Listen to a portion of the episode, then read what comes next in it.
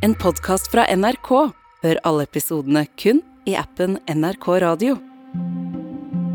Han blir omtalt som bankmannen og slangen, og politiet mener at han i årevis har levd av å svindle unge folk. Men når mannen omsider skal møte de som føler seg lurt i Drammen tingrett, blir rettssaken utsatt i siste liten. For Shakil Mustaffar har fordufta, og ingen veit hvor han er. Og sånn er det lenge. Til en journalist kommer over et helt spesielt spor. Du hører på Oppdatert. Jeg heter Gry Veiby. Se for deg en du stoler på, en som skal hjelpe deg med å oppfylle en eh, boligdrøm. Men så plutselig så sitter du der med milliongjeld. En som du har stort stolt på, opplever du lurer deg på det groveste. Maria Hasselgaard, du er journalist her i NRK, og mannen vi snakker om, det er en mann ved navn Shakil, som politiet mener har lurt flere unge nordmenn for over ti millioner kroner til sammen. Og da du fikk vite at han ble borte rett før rettssaken skulle starte, så ble du interessert i å finne ut hvem denne fyren er. Ja, dette er jo en historie som er helt vill. Altså, det er nesten som en eh, film. Og her har du altså en fyr som har gjort seg til venns med mange mennesker. Det er sårbare unge mennesker i en vanskelig situasjon, og de opplever at de har blitt jukt rett opp i eh, ansiktet.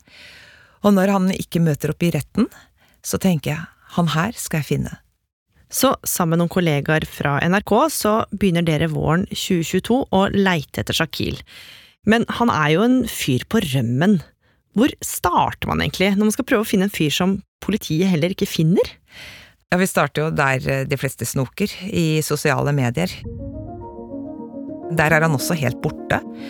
Og, og da går vi videre til å se ulike registre.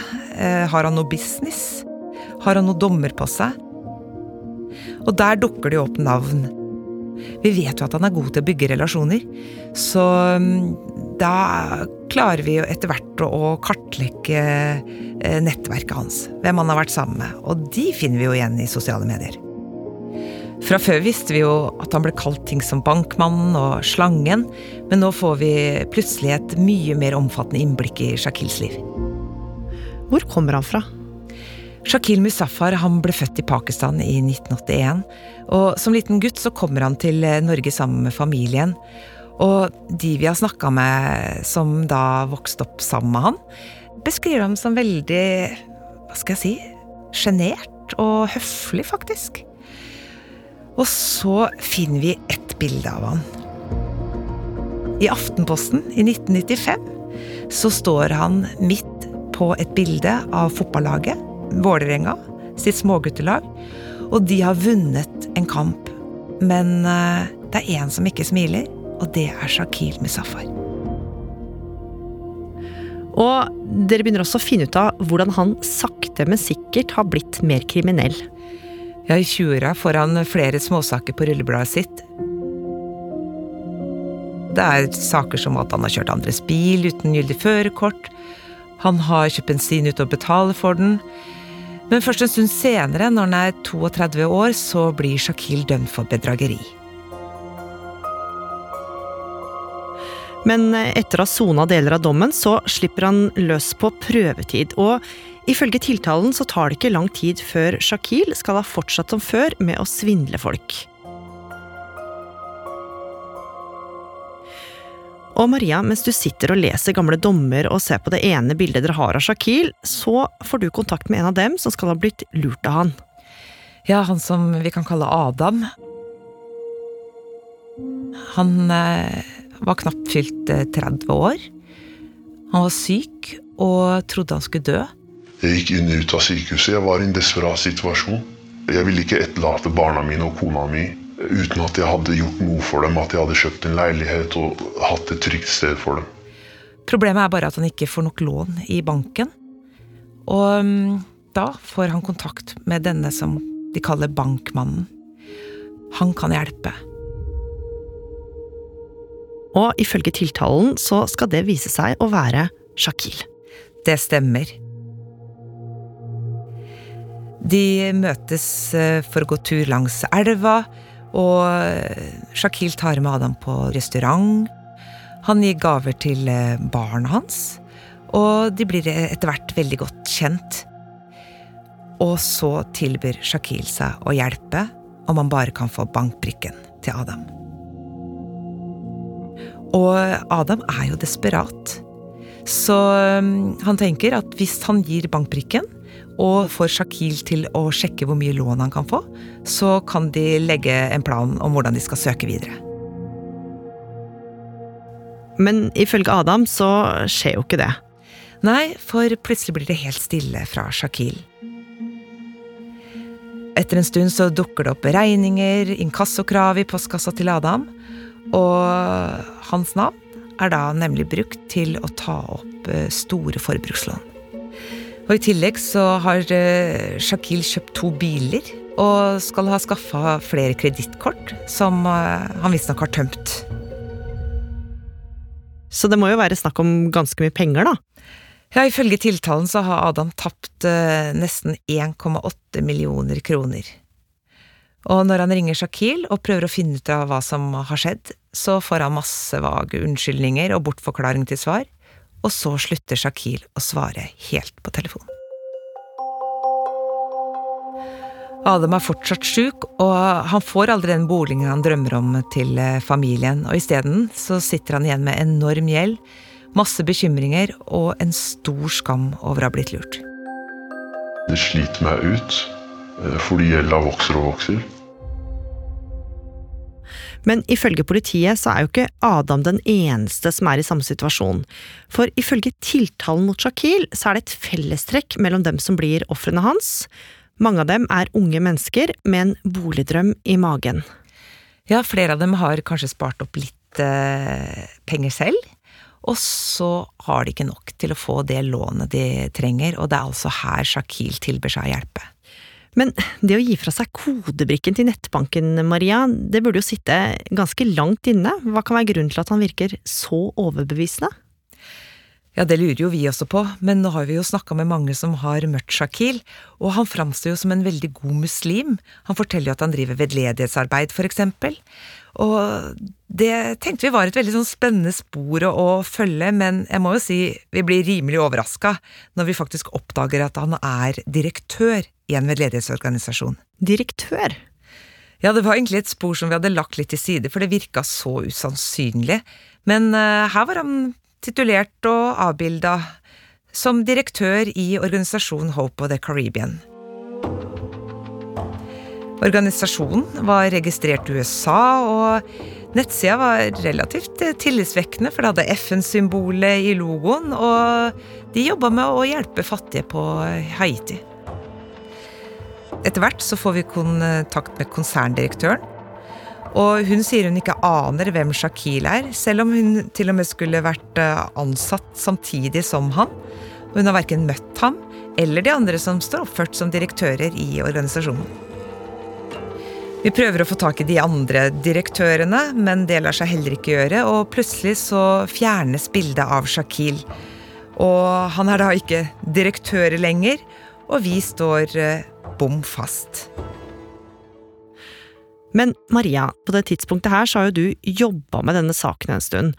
Du har snakka med flere i miljøet til Shakil, du har truffet flere av de politiet mener han skal ha svindla, og du har funnet ut at han inntil nylig skrøt av å være direktør i en veldedig organisasjon. Og nå kommer dere ikke videre. Men historien om Shakil stopper jo ikke her. Nei, for en dag får vi helt uventa hjelp det kommer en telefon fra en kompis til en som skal ha blitt lurt av Shakil. Han vil gjerne møte oss, han har noe kjempeviktig å vise fram. Og vi eh, avtaler et møte. Han kommer kjørende opp på NRK, og ut av bilen så stiger en fyr med en jokerpose full av, skal det vise seg, kontoutskrifter en skikkelig gavepakke for en eh, journalist, med andre ord. Men de kontoutskriftene, er de fra Shakil, da, eller? Nei, han som eier kontoen, veit jo ikke sjøl at uh, Shakil skal ha brukt denne her som sin egen. Og det i et helt år, faktisk. 3,6 millioner kroner er i løpet av den perioden gått inn og ut. Og her ser vi at det er brukt eh, penger på restaurantbesøk, kosmetikk, dyre hotellovernattinger og finansiering av et godt liv. Blant annet eh, er det kjøpt varer på Louis Vuitton for over 100 000 kroner. Men vi vil jo finne Shakil. Så det som blir viktig med kontoutskriftene, er jo å se hvor han eh, kjøper flybilletter. Og det er ett sted som skiller seg ut. Barcelona. Jeg bestemmer meg for å dra dit. Men Maria, Barcelona er jo en kjempestor by. Hvor er det dere skal begynne å leite? Ja, det er som å lete etter den berømte nåla i høystakken. Eh, men så har vi hørt at Shakil skal ha eiendommer i Barcelona. Så vi søker i eh, spanske eiendomsregistre men finner ingenting. Men så utvider vi søket og tenker at kanskje han har satt det i navnet til noen i familien sin, og da får vi treff. Det dukker opp en bygård som eh, skal ligge i nærheten av den kjente shoppinggata La Rambla. Og det er et sted som politiet advarer mot fordi det er kriminelt belasta. Men vi bestemmer oss for å gå inn. Og da har jeg en eh, kollega med meg, en spansk gravejournalist. Og han forklarer meg hvordan eh, det er observatører, agenter, som ringer i mobiltelefoner. Vi har en på høyre skulder, og vi har en på venstre skulder. Som følger med på oss. Men vi går videre og står foran eh, adressen, som skal være knytta til Shakil. Og der ser vi en butikk og i andre etasjen to leiligheter. Og da tenker jeg, er det her du gjemmer deg? Når vi har sjekka ut leilighetene, så viser det seg at han er jo ikke der. Det er rett og slett bomtur, så vi går derfra igjen. Men vi gir ikke opp, for det er flere adresser vi ønsker å sjekke ut. Og idet jeg skal eh, ut av bilen på neste sted, så ringer det nede i veska. Og jeg tar opp mobilen, og på displayet så står det Shakil. Så nå ringer faktisk Shakil deg? Dere har aldri snakka sammen før? Det er første gangen vi, vi snakker sammen, og nå har jeg jo jakta på han i flere måneder, og plutselig så ringer han meg. Jeg hører på stemmen hans at han er tydelig stressa, så jeg tenker vi må prøve å få til et møte. Hvor er det du er henne nå, sånn at vi eventuelt kan møtes? Du må komme ned til uh, Tyrkia. Så kan vi møtes. Hvor i Tyrkia kan jeg treffe deg? Da foreslår han at uh, ja, vi skal møtes uh, i Istanbul, hvis jeg kan komme dit. Han skal ringe meg neste uke. Men hvor skal vi møtes i Istanbul, og når skal vi møtes? Det kan, vi, jeg kan ringe deg til den uka, uka som kommer nå.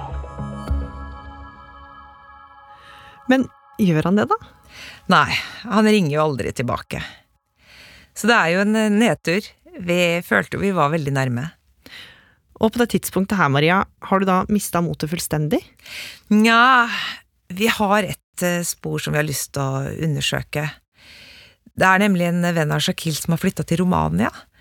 Og når vi undersøker i rumenske registre om man kan ha noe business der nede, så finner vi et selskap. Eller vi finner ikke bare ett, vi finner to selskap i to ulike byer i Romania. Og jeg setter meg på fly igjen. Så neste stopp Romania.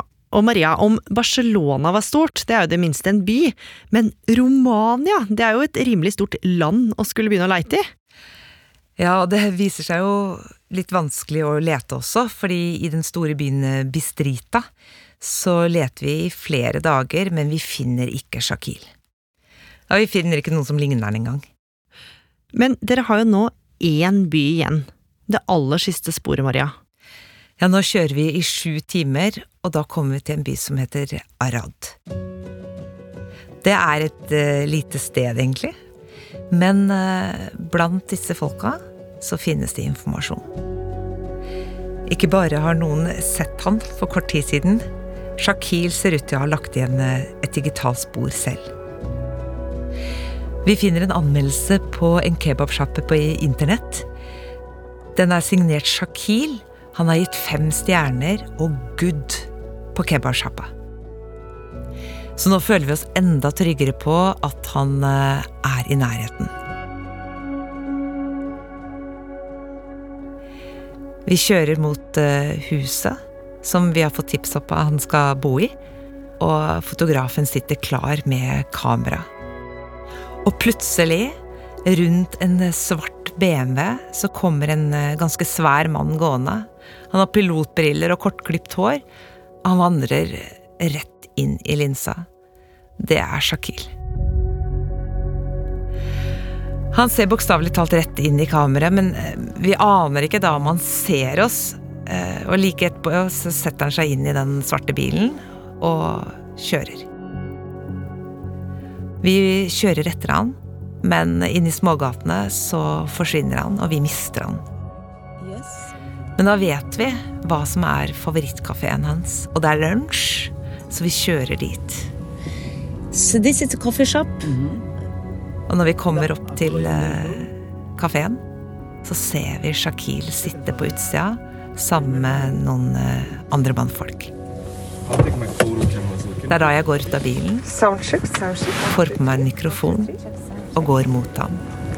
Og sier Hei, jeg er Maria. Vi har snakket sammen før. Jeg er Maria, som du har snakket med før fra NRK. Hvor kommer du hen nå?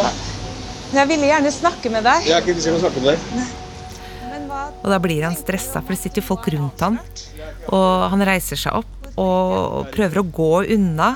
Men eh, jeg har jo mange spørsmål. Du er tiltalt for å ha svindla tolv unge mennesker. Det stemmer ikke. Stemmer ikke. Alle de, alle de menneskene, de har gjort det sjøl. Og ikke bare jeg. De har gjort det sjøl. Og jeg vet jo fra før at han er en, eh, en som prøver å, å snakke seg ut av ting. Så jeg, jeg forsøker med spørsmål for å få svar. Hvorfor tror du de kaller deg slangen? De er sjøl slange sjøl. De, de som sier det, de er det sjøl. Jeg er ikke det. Jeg er ikke slange med noen, jeg. Han sier også at han skal komme tilbake til Norge i januar 2023. Og at han eh, vil eh, ta rettssaken. Vet familien din om dette her? Ingen veit det. Ingen veit at ingen vet det. Greit, vi snakkes. Ha det. Ha en fin dag. Hyggelig å se deg. Etter at vi har snakka sammen i mange minutter, og at han faktisk har svart på mange av de spørsmålene jeg hadde, så blir eh, situasjonen temmelig tilspissa. for Han er veldig stressa, og folka rundt ham begynner å ringe i mobiler. Han går unna, og eh, da finner jeg at nå må vi trekke oss tilbake. Så vi setter oss i bilen og kjører av gårde. Og siden har ingen sett Shakil, men historien om han har blitt publisert på både nett og TV her i NRK. Og det er viktig å påpeke at Shakil han nekter selv for straffskyld etter tiltale, men politiet mener altså at han har svindla en rekke mennesker, og mange som hører historien om Shakil vil kanskje tenke at de som gir fra seg sensitiv informasjon, som for eksempel en bankbrikke, da, har seg selv å takke når de blir lurt. Men dere har funnet ut at det er ikke så uvanlig? Nei, altså, det vi vet er jo at 150 000 mennesker de to siste årene faktisk har opplevd eh, det som kalles ID-tyveri. Og de unge som eh, tar kontakt, og spesielt de som har gitt bankbrikka si, forteller jo at det er gjerne folk i nære relasjoner som de da eh, får en tillit til, og som de da tør å gi bankbrikka til, og hvor de opplever da seg svindla i etterkant. Selv om dere fant Shakil, så er jo han fortsatt på flukt. Hva skjer egentlig videre i denne saken nå? Ja, nå er det opp til politiet å finne ham. De samarbeider med internasjonalt eh, politi, og har ennå ikke pågrepet han, men sier de har god tro på at de skal klare det. Og da få han eh, til Norge, hvor de skal eh, beramme rettssaken så raskt han er tilbake i Norge. Og da får tiden vise om eh, de som mener de har blitt svindla av eh, Shakil, får svar på spørsmåla sine, og om de får eh, noen penger tilbake, som er det de håper selv.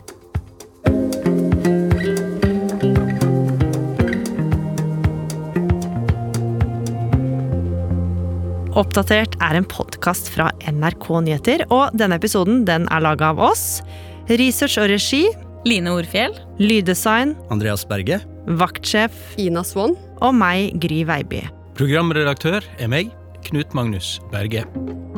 Har du lyst til å lese mer om Shakil, så finner du hele historien på nrk.no. Klippene du har hørt, er fra sakene til Maria Hasselgaard, Kari Nygaard Tvilde, Kim Jansson og Patrick da Silva Sæther. Har du tips eller innspill, så må du gjerne sende oss en e-post på oppdatert krøllalfa nrk.no. Jeg heter Hege Omre og har laga historien om den største flytragedien på fastland i Norge. Flystyrten i Asker. Nei, Jeg merker jo at flyet begynner å få lavere høyde. Den blir en annen lyd. Lille julaften 1972. Et passasjerfly er på vei fra Ålesund til Oslo. Det var ikke mange sekundene etter at da kjente jeg at det begynte å riste. En flyveleder oppdager at flyet er helt ut av kurs. Da tenkte jeg faktisk at uh, nå går den i bakken. Flyet styrter ned i den mørke skogen i Asker. Det er 45 mennesker om bord. Forberedte meg at det var det siste gangen jeg hadde sett henne. I mange timer leter frivillige og redningsmannskaper etter det savna flyet. Og det lå mennesker, levende og døde, spredt rundt over hele den flate myra. Fortvilte pårørende aner ingenting om hva som har skjedd. Jeg var nå helt knust. Og satt og så på TV. Og det gikk nå om igjen og om igjen og om igjen.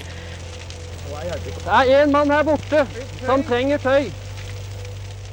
Flystyrten i Asker hører du først i appen NRK Radio.